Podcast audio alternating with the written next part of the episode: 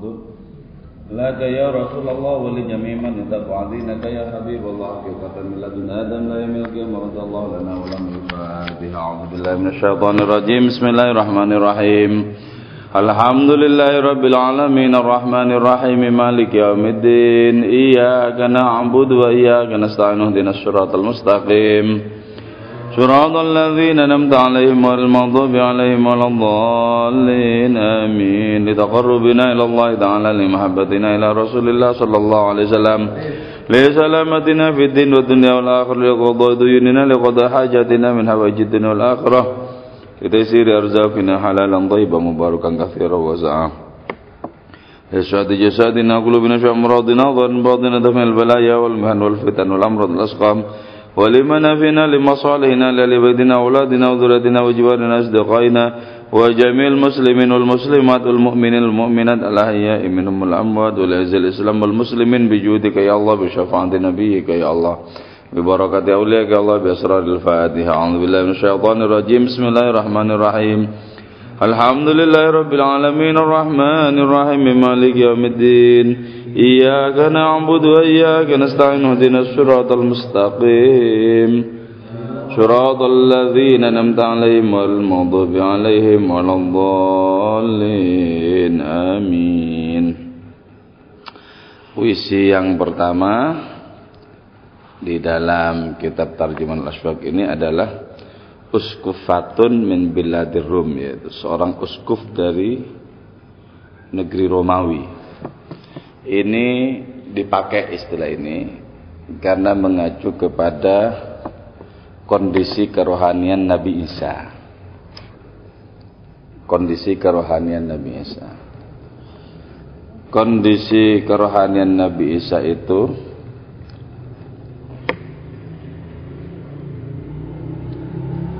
itu terhubung dengan dimensi jamaliyah Allah Ta'ala itulah sebabnya beliau memiliki kesanggupan untuk membuat siapa saja terkesima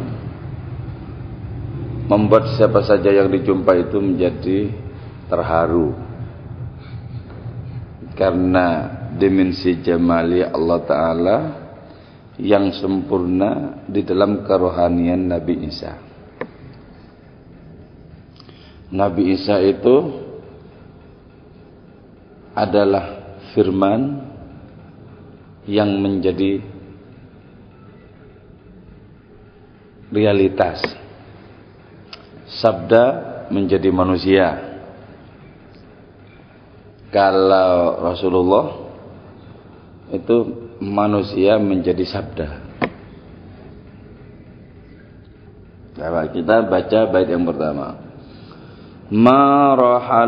Yawma banul buzzal al-isa illa wa qad hamalu fiha tawawisa. Ma rahalu tidaklah berangkat mereka yawma banu ketika mengendarai mereka al-buzzal kepada unta al-isa yaitu unta illa wa qad hamalu kecuali membawa mereka fiha pada itu buzal atau wawisa kepada burung cendrawasih. Maksudnya ini apa? Ya. yang disebut dengan buzal atau unta yang gemuk itu adalah amal-amal yang real atau amal jawareh.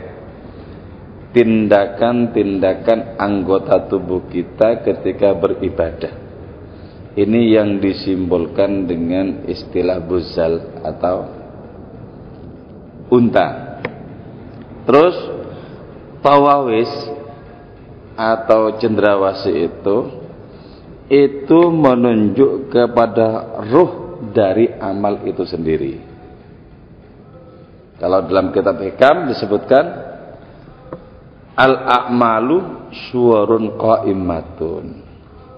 Amal itu merupakan bentuk yang tegak. Waruhuha adapun rohnya amal itu sirru wujudil ikhlas biha itu adanya keikhlasan dalam amal Jadi buzal ini ini dimensi lahiriah amal sementara tawawis adalah dimensi batiniah amal. Buzal ini adalah amal jawareh sementara tawawis itu adalah amalul qalbi wa amalul ruh. Sekarang amalul qalbi itu apa? Amalul qalbi itu hudur. Yaitu kesanggupan orang merasakan hadir ke hadapan Allah atau berdekat-dekatan dengan Allah. Itu amalul qalbi. Misalnya ketika kita sholat atau melaksanakan ibadah pun yang lain. Kita merasakan berhadap-hadapan atau berdekat-dekatan. Itu amalul qalbi. Nilai dari amalul qalbi ini, ini beribu-ribu tingkat di atas amal jawareh. Jadi kalau kita ngaji atau kita berzikir atau kita sholat, seakan-akan berhadap-hadapan atau merasa berhadap-hadapan dengan Allah, berarti di situ ada tawawis, di situ ada burung-burung cendrawasih rohani. Karena itu yang perlu kita periksa, kosongkah batin kita dari merasakan hadir ke hadapan Allah ketika kita sedang beribadah? Kalau kosong, berarti cuma amal jawarih yang kita lakukan. Anggota tubuh ini bergerak-gerak dan lisan mengucap-ucap. Tidak ada di situ, ruhnya tidak ada. Terus amal ruh itu adalah musyahadah. Jadi ketika orang beribadah dan orang menyaksikan Allah sebagai orientasi dari seluruh hidup dan mati dari seluruh ibadah itu, berarti di situ berlangsung amal roh.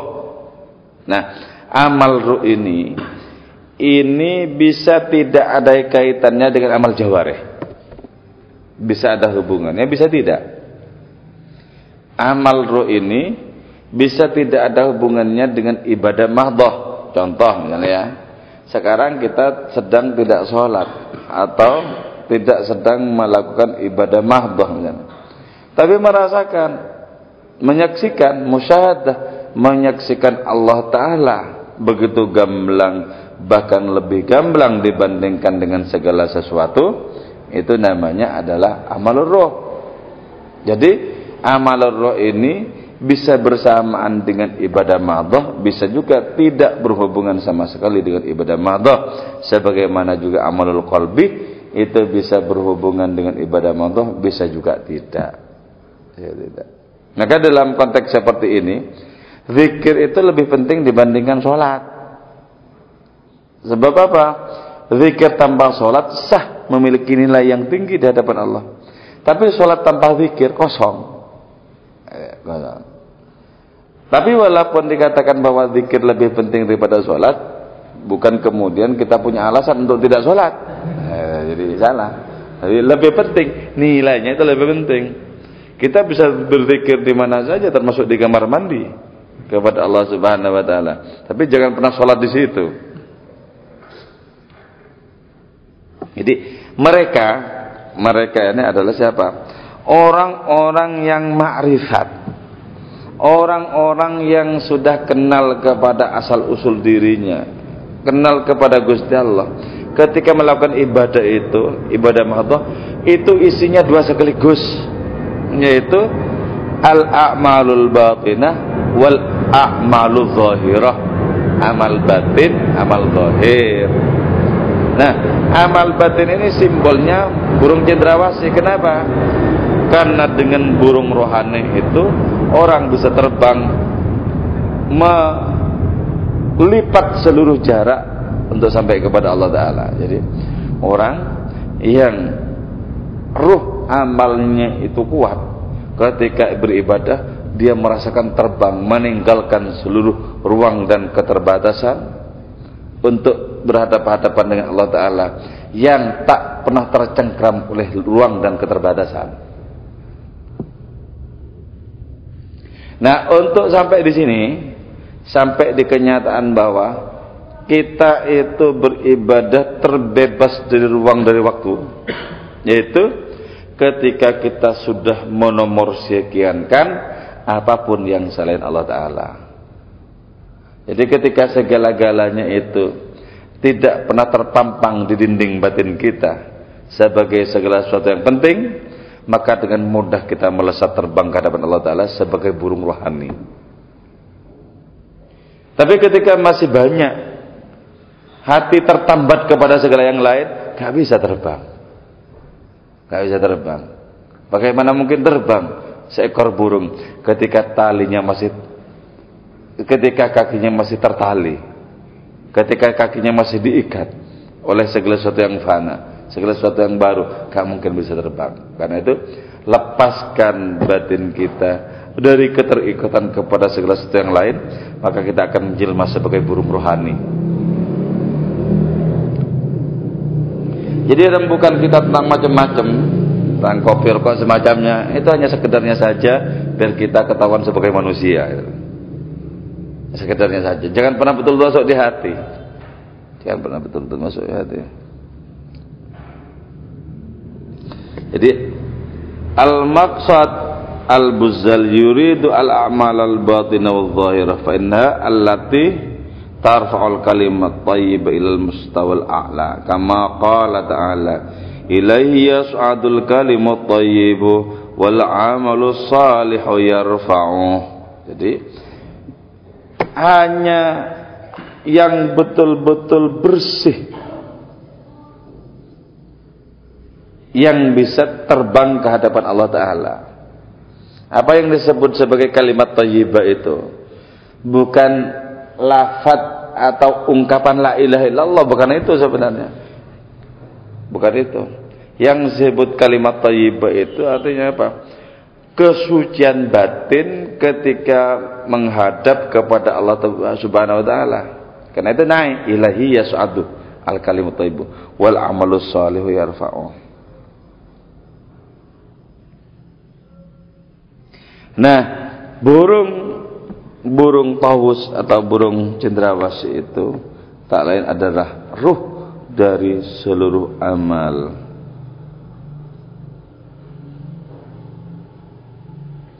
wa syabbaha bituyur li'anna ruhaniyatun. Jadi di sini Ibn Arabi menyerupakan roh dari seluruh amal itu dengan burung karena burung itu adalah nuansa spiritual, nuansa rohani. Jadi kalau kita misalnya mimpi mimpi ketika kita riyadah menjalani ketekunan rohani ke hadapan Allah taala kita kok seperti bisa terbang bersama dengan burung-burung itu berarti sudah terbebaskan dari keterikatan segala sesuatu yang fana. Bagus. Makanya kalau Nabi kita itu tidak sekedar mimpi, terbang beneran melampaui segala dunia ini ketika Mi'raj. Bebas dia. Artinya apa? Hatinya tak pernah tertambat dengan apa pun. Jangankan dengan kesenangan dunia, dengan kesenangan akhirat tidak pernah tertambat hati beliau itu. Maka ditegaskan ketika beliau ibadah, seluruh ibadah itu tidak pernah berada di hadapan beliau, tapi berada di punggung beliau. Jadi ketika sholat, sholatnya di punggung. Ketika puasa, puasanya di punggung. Ketika zikir, zikirnya di punggung. Kalau ibadah, ibadah seperti saja di punggung, apalagi perkara-perkara dunia dan perkara kesenangan akhir, itu jauh di belakang. Kenapa di punggung? Sebab kalau berada di depan, itu menghalang-halangi antara Nabi dengan Tuhannya. Belakang. Ya. Jadi kita mesti begitu untuk bisa apa? Melampaui segala yang fana. Jangan gampang tertarik kepada segala sesuatu. Ini itu. Udah lewat, udah lewat, udah lewat itu aja. Nah, terus bisa begitu gimana? Min kulli fatikatil alhazi malikatin dakhaluha fawqa arsyid durri bil qisah min kulli fatikatil alhab disebabkan oleh setiap kekuatan yang membasmi pandangan. Malikatin yang menguasai. Takhaluha faqasid bil kisah takhalu menyangka engkau. Ha kepada itu. Fatikatul alhab. Fauqa arsyid durri. Di atas istana mutiara. Bilqis terhadap Ratu Bilqis. Nah, bait yang kedua ini mempertegas bahwa hikmah ilahiyah ya, atau kesanggupan orang merasakan kedekatan dengan Allah, merasakan kemahagamblang Allah Ta'ala itu akan membunuh seluruh pandangan orang itu kepada yang lain. Jadi ketika orang sudah tertarik kepada Gusti Allah, maka pandangannya itu menjadi terhambat kepada yang lain. Itu yang dimaksudkan ketika oleh Allah Ta'ala diperlihatkan kepada Syekh Abu Yazid Bustami seluruh keindahan yang ada di bumi ini, yang ada di tambang-tambang, seluruh keindahan dari emas, permata dan lain semacamnya itu, Terus segala keindahan di langit diperlihatkan kepada Syekh Yazid Bustami. Kemudian Allah Ta'ala bertanya. Adakah di antara semua keindahan ini yang membuatmu tertarik katanya. Syekh Yazid bilang, Ya Allah, segala puji bagimu. Aku tidak tertarik kepada semua yang kau perlihatkan ini. Satu-satunya yang membuatku tertarik adalah keindahanmu. Jadi lewat, lewat. Karena itu di zamannya Syekh Abu Yazid Allah berfirman dengan ilhamnya itu. Kullul awliya yatlubuna minni illa Abu Yazid. Semua wali itu minta fasilitas kepadaku, minta karunia kepadaku kecuali Abu Yazid. Fa innahu yatlubuni. Abu Yazid itu langsung memohon aku. Ketika dia berdoa ya Allah, saya mohon kepadamu. Ketika ditanya, kau mohon apa Abu Yazid? Abu Yazid bilang, aku mohon engkau ya Allah. Jadi tidak ada urusannya dengan berbagai macam karunia dan rahmat. Dengan berbagai macam rezeki nggak ada urusannya. Karena itu al mu'minul arifu la yas'alu mim maulahu illa maulahu. Al mu'min adalah orang beriman, al arif yang ma'rifat La yas'alu ialah tidak memohon orang beriman yang ma'rifat itu maulah dari Tuhannya itu orang beriman dan ma'rifat illa maulah kecuali mohon Tuhannya itu sendiri. Jadi min kulli fatihatil al-hadh ini ini menunjukkan bahwa adanya rasa tertarik orang ketika hatinya disedot oleh Allah Subhanahu wa taala orang ini tidak akan memiliki pandangan kepada yang lain Mungkin memang melihat segala isi alam raya, tapi hilang hilang rasa tertariknya kepada segala komponen alam raya sudah hilang. Ini mim kulli fatilah malikatin ya. dan menguasai menguasai. Jadi kedekatan dengan Allah, rasa senang kepada Allah, rasa terpana kepada Allah menguasai orang ini. Sehingga apa? Takhaluha fauqa arsyid kisah engkau mengira engkau menyangka bahwa kekuatan seperti itu berada di atas hamparan permata berada di atas singgah sana permata sebagaimana engkau menyaksikan Ratu Bilqis berada di situ. Nah, mutiara di atas segala mutiara, keindahan di atas segala keindahan. Ketika orang tidak lagi terpaut hatinya kepada karunia dan rahmat Allah, tapi kepada keindahan Allah itu sendiri. Nah, pertanyaannya sekarang di sini, kenapa Ratu Bilqis disebutkan di sini. Wa sammaha Bilqisa litawalludiha bainal ilmi wal amal. Nah, di sini Ibn Arabi menyebut Bilqis karena sesungguhnya ketika orang sampai kepada kenikmatan perjumpaan Allah Taala itu, itu lahirnya dari ilmu dan amal. Jadi amal saja itu enggak enggak cukup. Karena itu orang rajin beribadah tapi tak memiliki makrifat tidak akan pernah mengantarkan kepada perasaan dekat dengan Allah Ta'ala. Atau ma'rifat yang tanpa amal, sama juga tidak. Nah, Bilqis ini, ini merupakan simbol dari adanya dimensi yang lembut berupa ilmu dan adanya dimensi yang kasar berupa amal. Fal amalu kafifun. Amal itu kasar wal ilmu latifun. Ilmu itu halus kama kanat Bilqis mutawallidatan binal jinni wal insi sebagaimana juga Bilqis itu lahir antara jin dan manusia. Jadi ibunya Bilqis itu itu manusia, bapaknya jin. Ini kan pertautan antara yang lembut dan yang kasar, jin.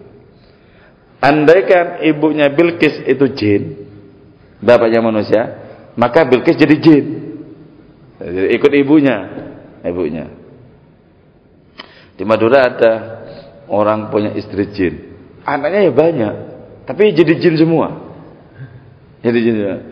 Jadi kadang kelihatan dari jauh anak berlari-larian di rumah itu, itu. gaduh sebagaimana juga manusia. Tapi ketika orang datang ke sana nggak ada. Itu anak-anaknya si bapak ini tadi. Kadang kelihatan duduk-duduk di teras gitu ya. Nanti didekati nggak ada, itu anaknya bapak itu tadi karena ibunya jin. Coba kalau ibunya yang manusia, jadi manusia dan memiliki kekuatan luar biasa dibandingkan dengan manusia yang lain. Karena itu jadi ratu, bisa mengalahkan laki-laki tenaganya itu. Karena unsur jinnya ini yang yang luar biasa kekuatannya. Maka di sini disebutkan fa inna ummaha minal insi. Ya, ibunya Bilqis itu dari kalangan manusia, wa abaha minal jinni, bapaknya dari jin.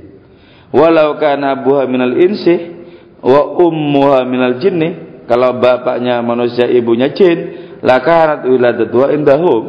Pasti kelahirannya itu di sisi jin itu kayak jin-jin itu.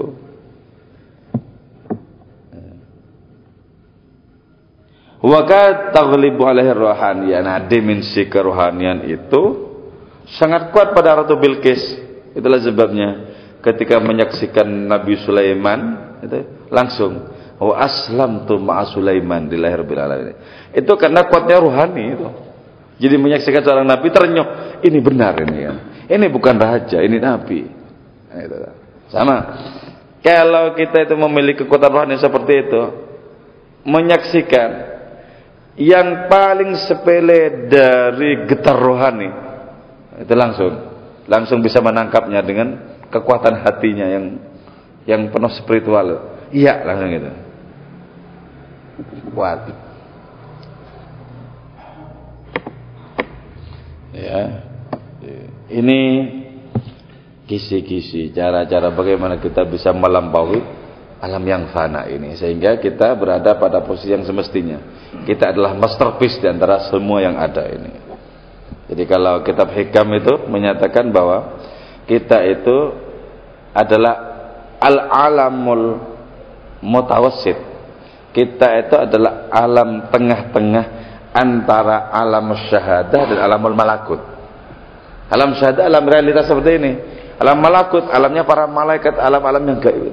Kita berada di tengah-tengah ini dan semua alam diciptakan itu musakharatun lana ditundukkan kepada kita semuanya diciptakan dibikin tunduk oleh Allah taala kepada kita untuk apa liyuallimuka qadraka inda jami'il makhlukat Allah memberitahu kepada kita kedudukan kita di antara seluruh alam raya ini nah karena kita Tuhan di alam raya ini maka jangan memburu sesuatu yang lebih rendah dibandingkan dengan kita.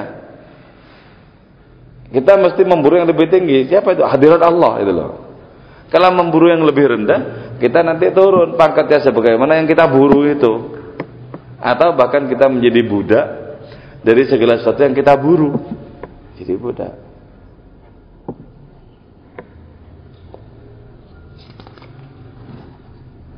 Eh, sebelum dilanjutkan ada yang Mau ditanyakan? Bisa dipahami ini dua bait ini.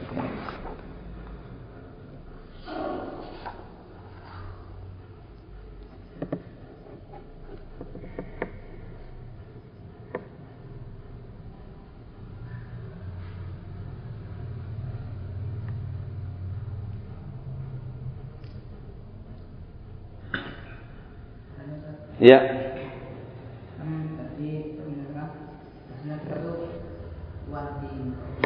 Hmm.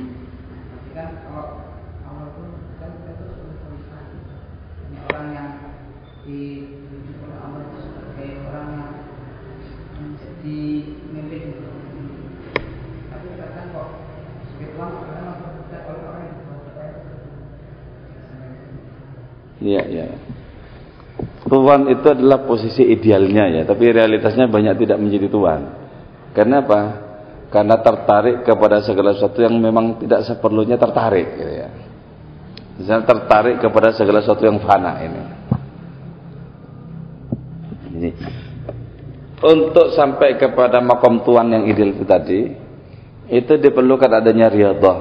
Riyadhah itu training spiritual melatih dimensi rohani yang ada pada diri kita. Kita latih terus dengan zikir, dengan semakin merasa tertarik kepada Allah dan semakin tidak kepada yang lain.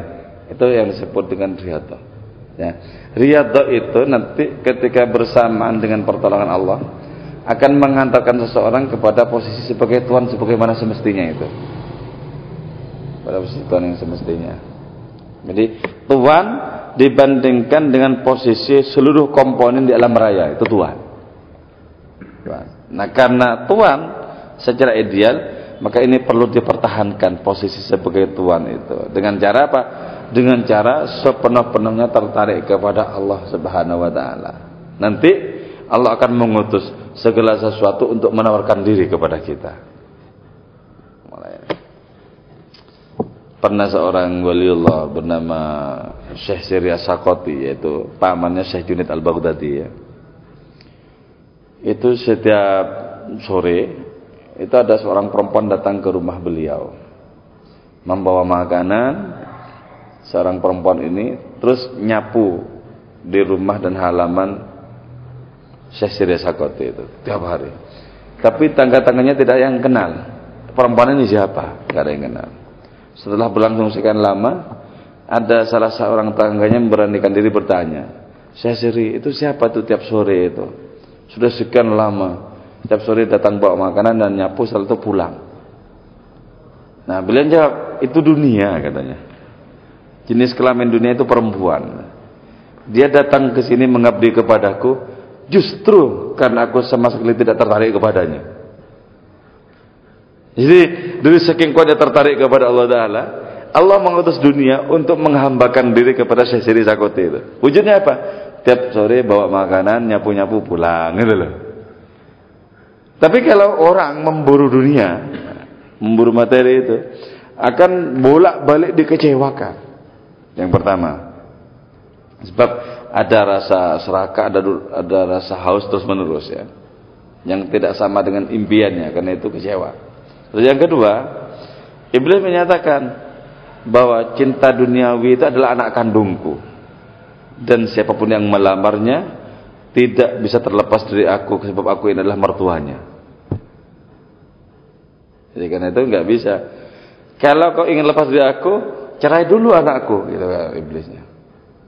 Cerai dulu anakku. Karena itu para sufi kemudian menyatakan, tolak tuh ke dunya salah satu lakotin sudah kucerai engkau wahai dunia dengan telak tiga.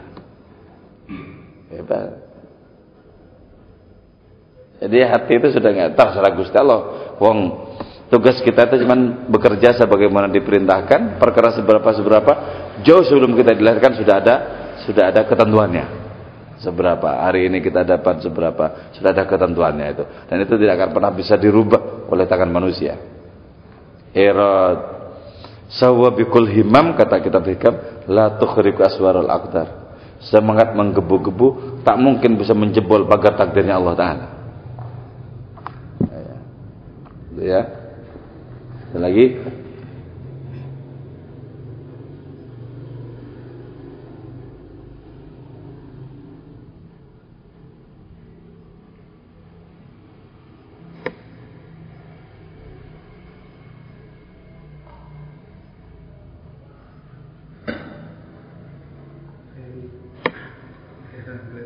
Ya. Tadi dikatakan bahwa kita diciptakan berada antara alam syahadat dan alam malakut. Iya. Tapi kenapa orang seperti saya hanya bisa mengakses alam syahadatnya? Itu biasanya biar imbang ya. Pipa-pipa yang ke alam syahadat itu jangan sepenuhnya dibuka. Agar terbuka pula yang ke alam malakut itu. terbuka pula ke alam malakut itu. Misalnya begini ya. Ada banyak keindahan dalam kehidupan di dunia ini. Keindahan panorama, pemandangan, keindahan orang dan lain semacamnya itu. Ya. Itu semuanya adalah percikan paling temaram dari kemahaindahan Allah Ta'ala. Yakinlah bahwa sumber segala keindahan itu adalah Allah Ta'ala gitu ya. Nah, kalau ini kita telusuri, model pemahaman seperti ini dengan riyadhah tadi, training spiritual tadi, nanti akan diantarkan oleh Allah Ta'ala itu kepada kesanggupan merasakan kemahaindahannya seberapapun prosentasenya. Diantarkan situ. Nanti ketika dia diantarkan di situ, terbuka nanti pipa-pipa ke alam malakut itu terbuka. Akan terbuka. Nah, sebenarnya setiap ibadah itu adalah sarana untuk menjebol tembok-tembok yang membatasi kita dengan alam malakut sebenarnya. Ya, ya.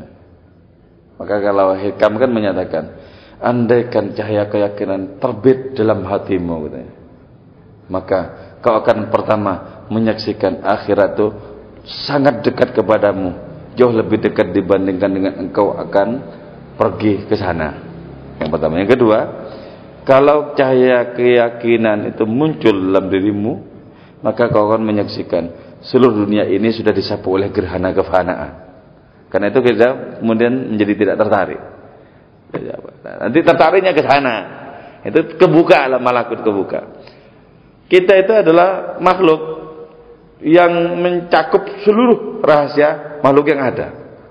Kita itu malaikat. Apa buktinya kita malaikat misalnya kan? Ya kita punya akal, kita punya ma'rifat, kita sergap ibadah. Itu kan sifatnya malaikat.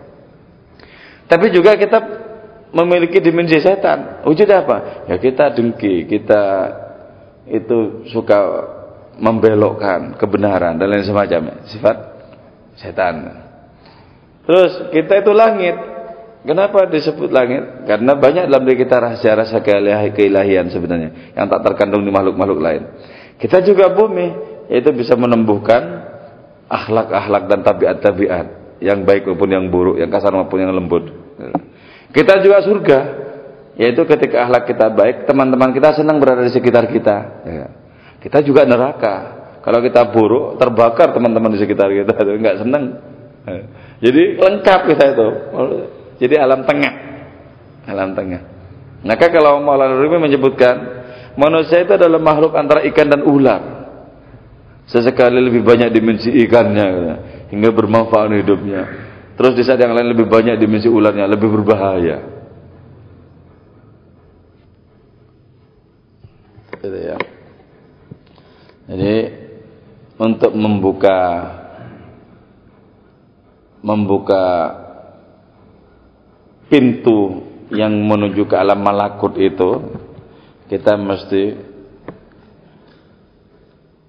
melakukan riyadhah mujahadah sampai dirasa nikmat pernahkah kita sholat dan merasa berjumpa dengan Allah nah, kalau sudah merasa seperti itu itu terbuka alam malakut lebar-lebar bahkan malaikat itu sujud taklim kepada kita kalau kita seperti itu Sebab dulu Nabi Adam juga mendapatkan sujud taklim dari para malaikat. Kita ini keturunan Nabi Adam juga. Ya. Pertahankan rohani Nabi Adam. Malaikat hormat sampai hari ini kepada kita. Ini buka alam malakut itu ke sana. Itu jangan sampai nggak imbang. Kalau bab-bab perkara materi itu senang semangat lah ini kan. Terus bab-bab keilahian itu seperti mampet. Nah, itu kan alam malakutnya nggak kebuka. Nggak kebuka. Kita belajar untuk mengatakan, ah nggak penting, ah nggak penting. Eh, kita menganggap tak penting apa pun yang tidak berorientasi kepada Allah Taala, nggak perlu, nggak penting, eh, gitu loh. Kan perkara penting tidak penting karena manusia sendiri yang bikin-bikin, oh ini penting, ini perlu. Nah, Gusti Allah Ta'ala belum tentu bilang itu penting kok. Ya. Itu lagi.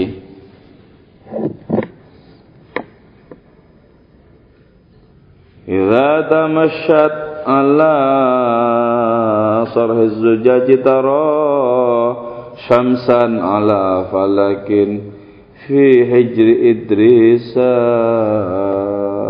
ya Allah asik ya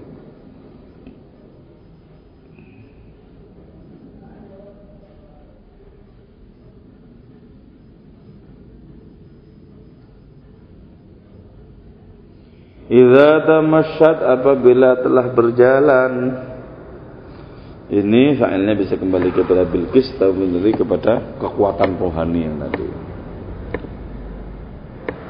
Iza tamasyad apabila berjalan dari Bilqis ala sorhe zujaji di atas istana atau mahligai kaca.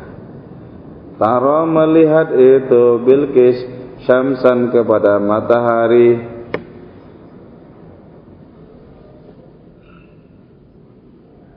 ala falakin di atas planet fi hijri Idrisa di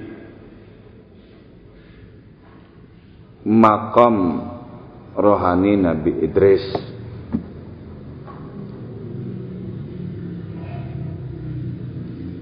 Jadi ketika segala sesuatu itu sudah tampak sebagai kaca begini ya. Maksudnya tampak sebagai kaca itu begini. Bagi orang yang marifat semua ini transparan. Kenapa disebut transparan? Oh ngelihat apa saja ketemunya Gusti Allah apa enggak transparan coba ya kalau Abu Bakar Siddiq menyatakan ma ra'aitu syai'an illa ra'aitullaha qablahu aku tidak melihat segala sesuatu kecuali melihat Allah sebelum sampai kepada segala sesuatu itu jadi sebelum sampai di make Gusti Allah dulu baru make gitu. Sebelum sampai kepada orang, Gusti Allah dulu baru orang. Itu kan berarti segala-galanya ini, ini sudah tidak sebagai tirai. Sudah transparan. Nah, itu yang disebut dengan sorhez zujaj ya. Mahlikai kaca. Istana kaca. Maka juga dengan demikian saya ini bilang, Lau kushifal ghita mazdatu yakinan kalau tutup ini dibuka, aku tidak tambah yakin. Wong sama saja bagi saya dibuka maupun ditutup sama saja, sama-sama transparan, sama jelas, sama-sama cuma Gusti Allah hakikatnya yang ada kan itu. Seperti itu posisinya. Jadi berjalan di atas mahligai kaca. Maka di situ melihat matahari. Nah, matahari itu apa? Ai syamsul zat, matahari zat ilahi transparan. Kenapa di sini sebut fi hijri Idris di makamnya Nabi Idris? Karena Nabi Idris itu berada pada makam matahari. Nabi Idris itu berada makam matahari. Jadi Nabi Idris kalau di dalam kitabnya Ibnu Arabi yang lain Ilyas alladzi huwa Idris. Jadi kata Ibnu Arabi, Nabi Ilyas itu sebenarnya ya Nabi Idris itu. Ya. Nabi Idris itu kan setelah Nabi Adam. Kelak ketika muncul lagi sebagai Nabi Ilyas, yaitu Idris sebenarnya. Karena itu ya, Nabi Ilyas itu itu rohun bila nafsin. Roh tidak ada nafsunya. Karena itu dia tidak memiliki minat kepada apa pun, termasuk kepada perempuan enggak ada minatnya sama sekali. Nabi jadi ada ada nabi-nabi yang tidak memiliki hubungan apa pun dengan perempuan. Satu Nabi Isa. Eh, kenapa? Karena Nabi Isa itu lahir tidak lewat proses biologis ya. Itu kehendaknya Gusti Allah Taala aja. Ya mengutus malaikat Jibril untuk menyiapkan ruh dalam wujud seorang laki-laki. Karena itu anaknya laki-laki. Andaikan waktu itu Allah Ta'ala mengutus malaikat Jibril wujudnya perempuan, maka anaknya Siti Maryam perempuan. Kata Ibn Arabi, kalau waktu itu Allah mengutus malaikat Jibril wujudnya binatang, wujudnya nanti keluarnya binatang. Terus yang kedua Nabi Yahya. Nabi Yahya juga tidak memiliki syahwat. Kenapa? Karena walaupun putra Nabi Zakaria itu juga tidak lewat proses biologis. Itu karena mustajabnya doa.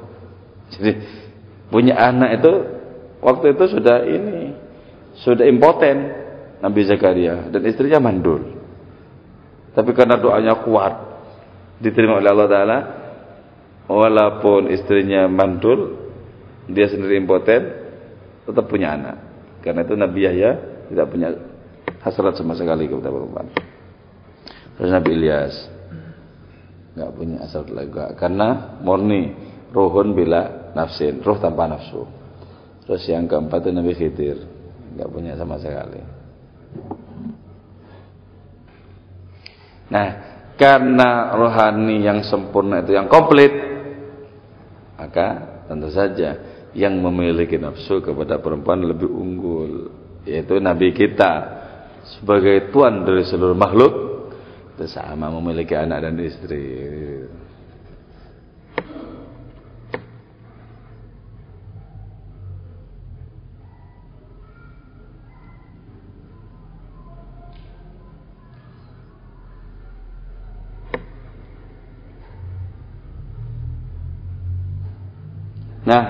Biasanya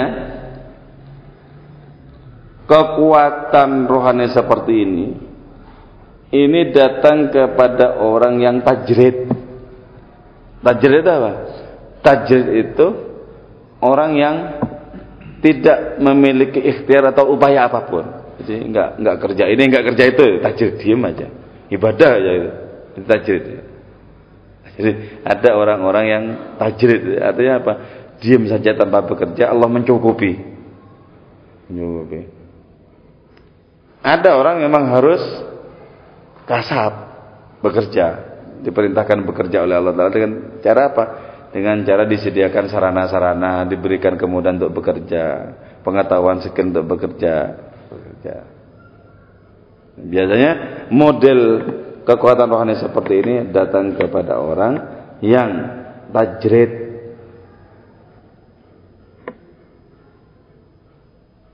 Terus kalau model rohani seperti ini datang kepada orang yang hatinya dimabuk cinta, maka orang ini akan terbakar oleh rohani tadi.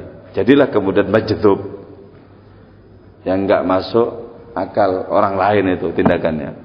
Majdub. Dalam sejarah itu ada seorang waliullah majdub bernama Syekh Ahmad ya ثم إلى حضرة الشيخ عين القدد حماداني ثم إلى حضرة الشيخ Ahmad Al-Hadri Ahmad Al-Hadri Ahmad Al-Hadri ini orangnya majdub satu saat di hari Jumat dia berkhutbah di masjid setelah hamdalah ya setelah syahadat salawat wa ya ayyuhal hadirun la ilaha lakum illa iblis. Wahai hadirin semua kalian tidak punya Tuhan kecuali iblis. Jadi karena tahu ya itu penuh dengan nafsu orang di masjid. La ilaha lakum illa iblis. Setelah ngomong seperti itu dia ngambil pedang. Semua jemaah itu mau dipedang gitu loh. Kabur semuanya. Sama Syekh Ahmad Al-Hadri itu kabur mau dipedang kabur Nah setelah kabur itu dia tetap ceramah di mimbar sendirian, gak ada orang yang dengarkan. Dan juga ceramahnya itu nggak ada orang paham karena ceramahnya orang mabuk kepada Allah Taala gimana? Gak paham. Nah setelah itu kemudian ada sekitar 30 kafilah ya melintas di masjid itu dan 30 kafilah itu menyaksikan bahwa di masjid mereka yang 30 itu tadi yang ngisi khutbah itu sama. Syekh Ahmad Al-Hadri itu. Jadi gimana tuh? Satu orang kok jadi ngisi di 31 tempat gitu kan. Di Jumat yang sama gitu. nah kalau sampai model kekuatan rohani seperti tadi yaitu ma'rifatul zat datang kepada orang yang ingin bubuk cinta kepada Allah Ta'ala maka dia akan terbakar oleh kekuatan rohani tadi. Karena itu wujudnya majdzub Ya, ya. Nggak bisa dikalkulasi oleh akal manusia. Jangankan orang lain, dia sendiri nggak paham siapa dirinya.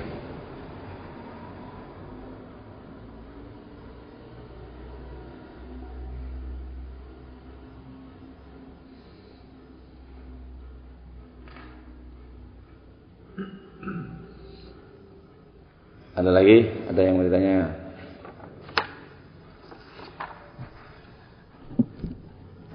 Enggak usah banyak-banyak ya nanti kalau kalau perkara ilmu itu ini mau dihatamkan ini bisa gimana? Apa bisa kita sempat untuk merenungi, kita amalkan? Eh, kalau modelnya cuma hataman surat surat surat surat. Ini kan yang penting itu riadohnya, olah pikir, olah renungan, olah rohaninya itu yang terpenting. Jadi kalau cuma perkara ilmiah itu gampang kita tinggal baca-baca buku, terjemahan dan lain semacamnya.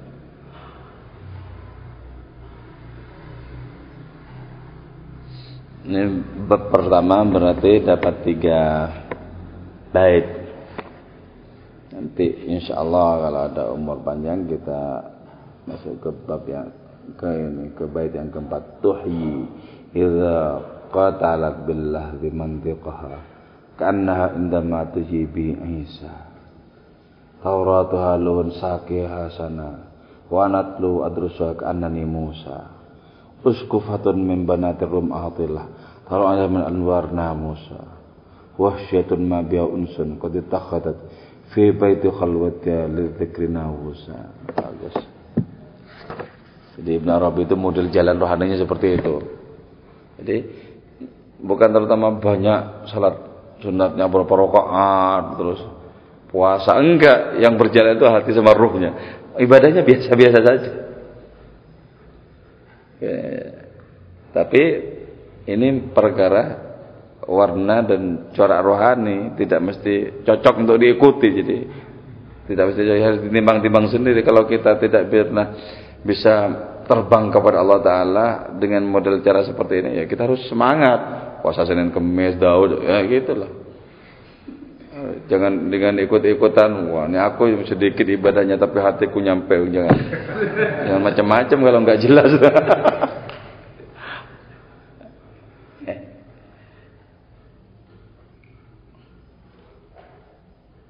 ya. Mari sambil dimakan lagi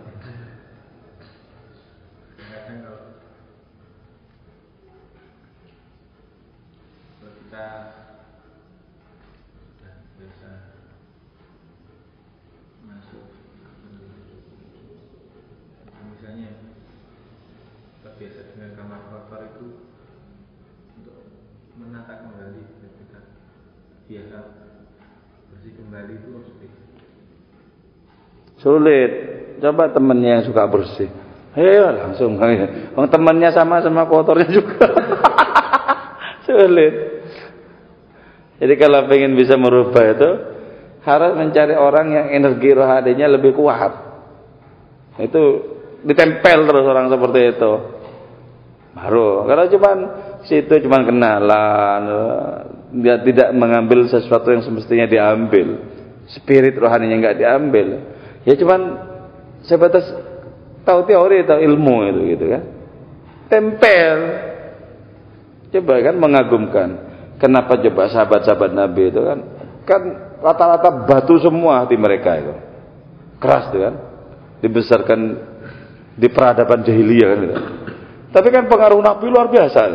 Kenapa? Tempel terus Nabi dekatin gitu, gitu. Itu jauh lebih hebat ketimbang mempelajari kitab-kitab itu. Cara seperti itu. Kan seringnya itu apa? Seringnya nggak betah mau ngikuti terus nggak betah ya. Nggak cocok dikit ah, nggak cocok mundur aja ya kan. Padahal nggak cocok itu perkara penyakit hati yang ada dalam diri orang itu nggak cocok itu. Bukan perkara yang diikuti salah, bukan. Mundur, ya nggak jadi. Yang prosesnya belum selesai dah mundur. Jadi tempel saja, ikuti saja orang yang sudah bagus, sudah matang, sudah dewasa rohaninya itu nanti akan dapat. Dan itu yang paling cepat sebenarnya.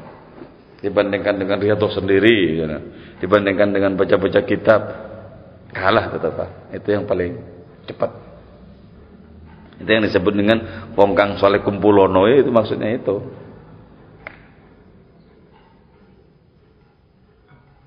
Ya.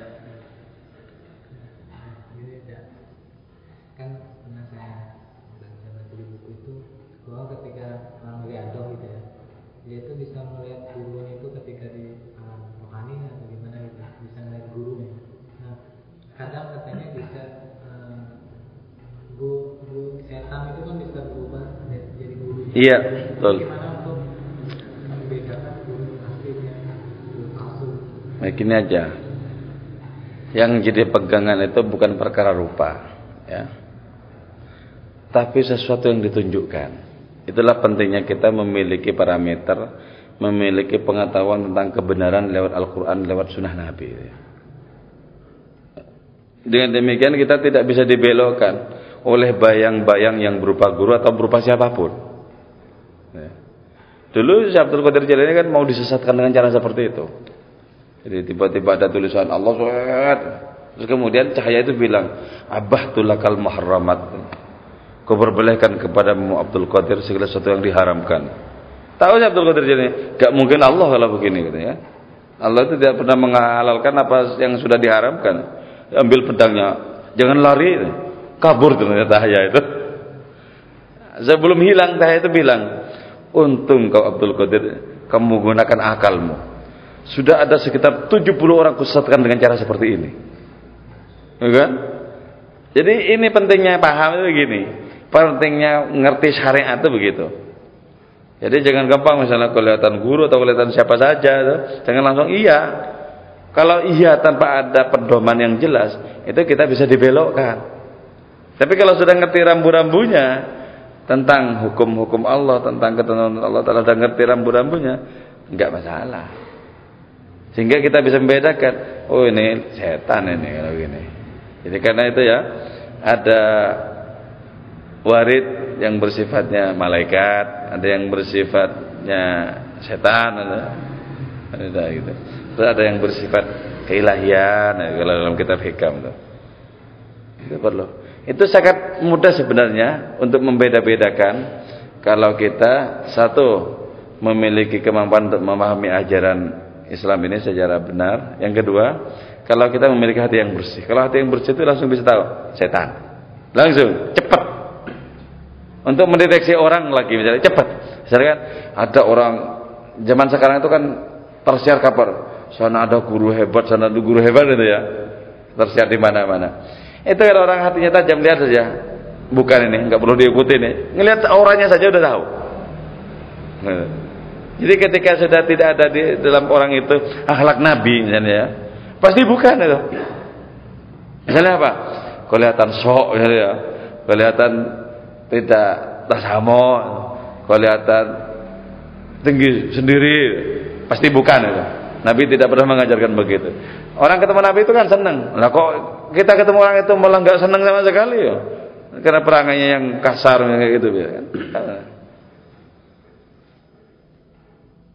Jadi bisa dibedakan. Jadi jangan terpampang oleh bayang-bayang ketemu siapa bukan. Itu nomor sekian. Bisa saja benar, bisa saja tidak. Yang penting kita tekuni loh. Apa yang sudah kita pahami misalnya bagaimana kita sholat senang saja itu sudah bagus Pak. senang saja. Allah Akbar nikmat udah bagus itu. Udah bagus. Setelah itu pikiran di sholat Astagfirullahaladzim Alladzi la ilaha illa wa la qayyum. Itu enak sekali rasa Wah bagus itu sudah Pedomannya itu. Kalau ada senang tapi ketika misalnya di saat bersama-sama seperti nikmat ketika sendiri enggak, eh, itu sudah ada palsunya. Berarti apa? Ada keinginan untuk pamer itu. Saya punya teman ya, punya teman. Saya tahu teman ini jarang-jarang sholat sebenarnya kan. Eh, pas hari Jumat dia ke masjid, sengaja saya berada di sisinya. Nah, habis Jumatan ya lama sekali pikirannya, lama. Itu bukan apa-apa, pencitraan itu. Kayak politik. pencitraan. Padahal sebenarnya nggak pernah begitu. Salah saja jarang. Bikin lama. Dia mungkin senang, ada perasaan senang. Perasaan senang penampilannya seperti orang bertakwa gitu ya. Kayak gitu. Ya. Tadi yang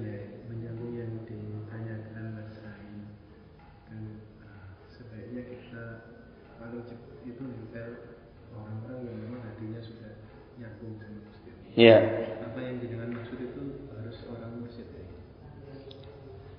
Kalau mursyid ya, tapi belum tentu yang formal-formal itu lah jadi. Gini loh ya. Yang disebut mursyid itu siapa saja yang haliyahnya itu menuntun kepada Allah itu mursyid walaupun tidak menggunakan toreko yang formal. Jadi siapa saja yang omongannya, yang tingkah lakunya itu menuntun kepada Allah itu mursyid biarpun itu anak-anak. Jadi yang disebut mursyid itu kan bukan yang formal itu loh. Mursyid toreko apa belum tentu itu. Belum tentu. Sebab sekarang itu juga makin tidak karu-karuan lah. Mursyid di mana, mursyid di situ semacamnya. Ternyata macam-macam pengakuan. Wah, saya bisa ngambil roh idofinya para sunan. Waduh, makin gak jelas. Ahlaknya aja makin gak jelas.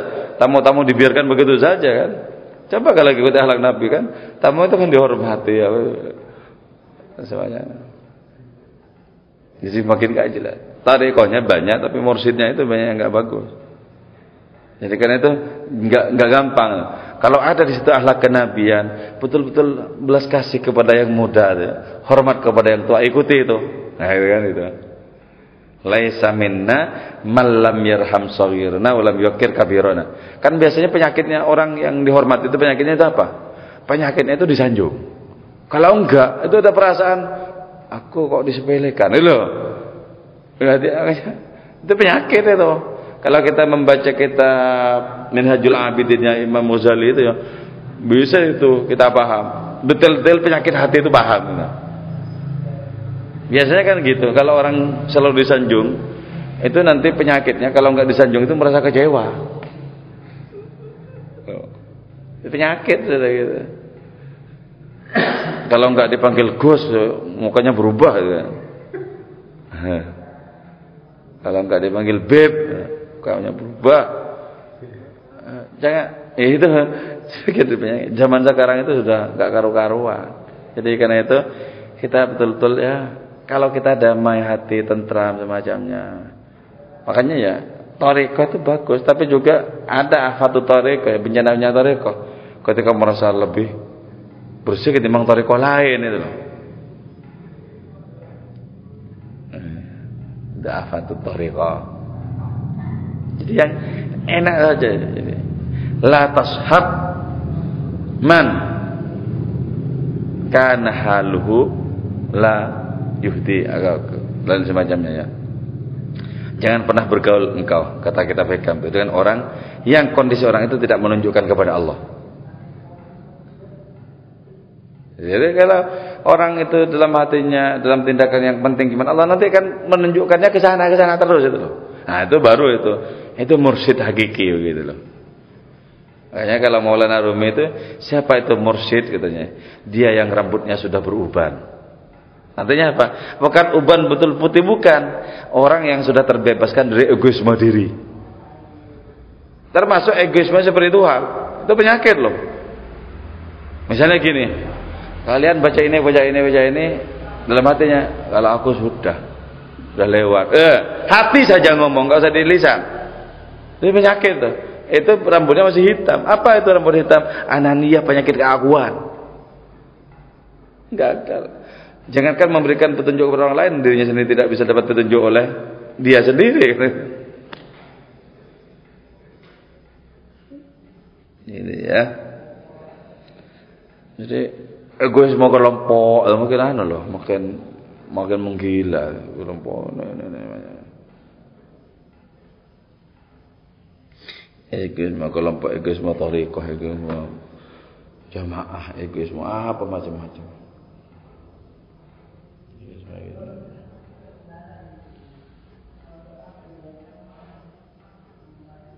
kalau kita menggunakan Syekh Yazid Bustami kok. Kita merasa lebih mulia ketimbang anjing saja itu, itu masih sombong.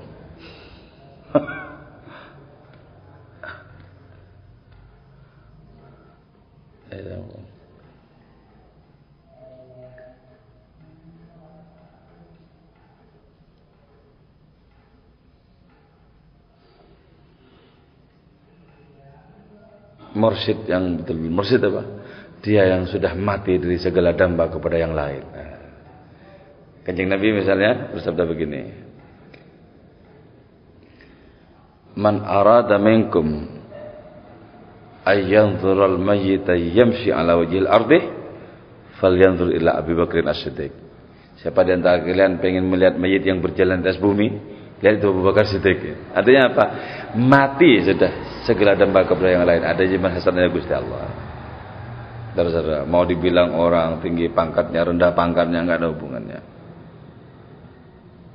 Bahkan mau dibilang orang itu hina, nggak ada hubungannya. Toh orang bilang apa saja tidak akan mengurangi kemuliaan, tidak akan menambah kemuliaan juga kok. disebut kiai haji maupun tidak tidak ada hubungannya dengan menambah kemuliaan atau mengurangi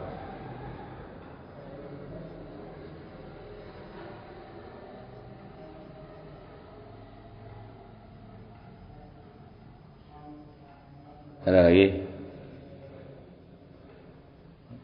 ya oke okay, ya mudah-mudahan dibarokai oleh Allah subhanahu wa ta'ala kita ini bisanya cuman belajar biar biasanya teman riyadha satu langkah saja tidak akan pernah kita miliki kalau tak karena pertolongan Allah Subhanahu wa taala. Karena itu kepada Allah lah kita bergantung diri. Kepada Allah lah kita menumpahkan pengharapan-pengharapan kita. Mudah-mudahan dikabul. Al-Fatihah. A'udzubillahi minasyaitonir rajim. Bismillahirrahmanirrahim. Alhamdulillahirabbil alamin arrahmanir rahim maliki yaumiddin. إياك نعبد وإياك نستعين اهدنا الصراط المستقيم صراط الذين أنعمت عليهم المغضوب عليهم ولا الضالين آمين الحمد لله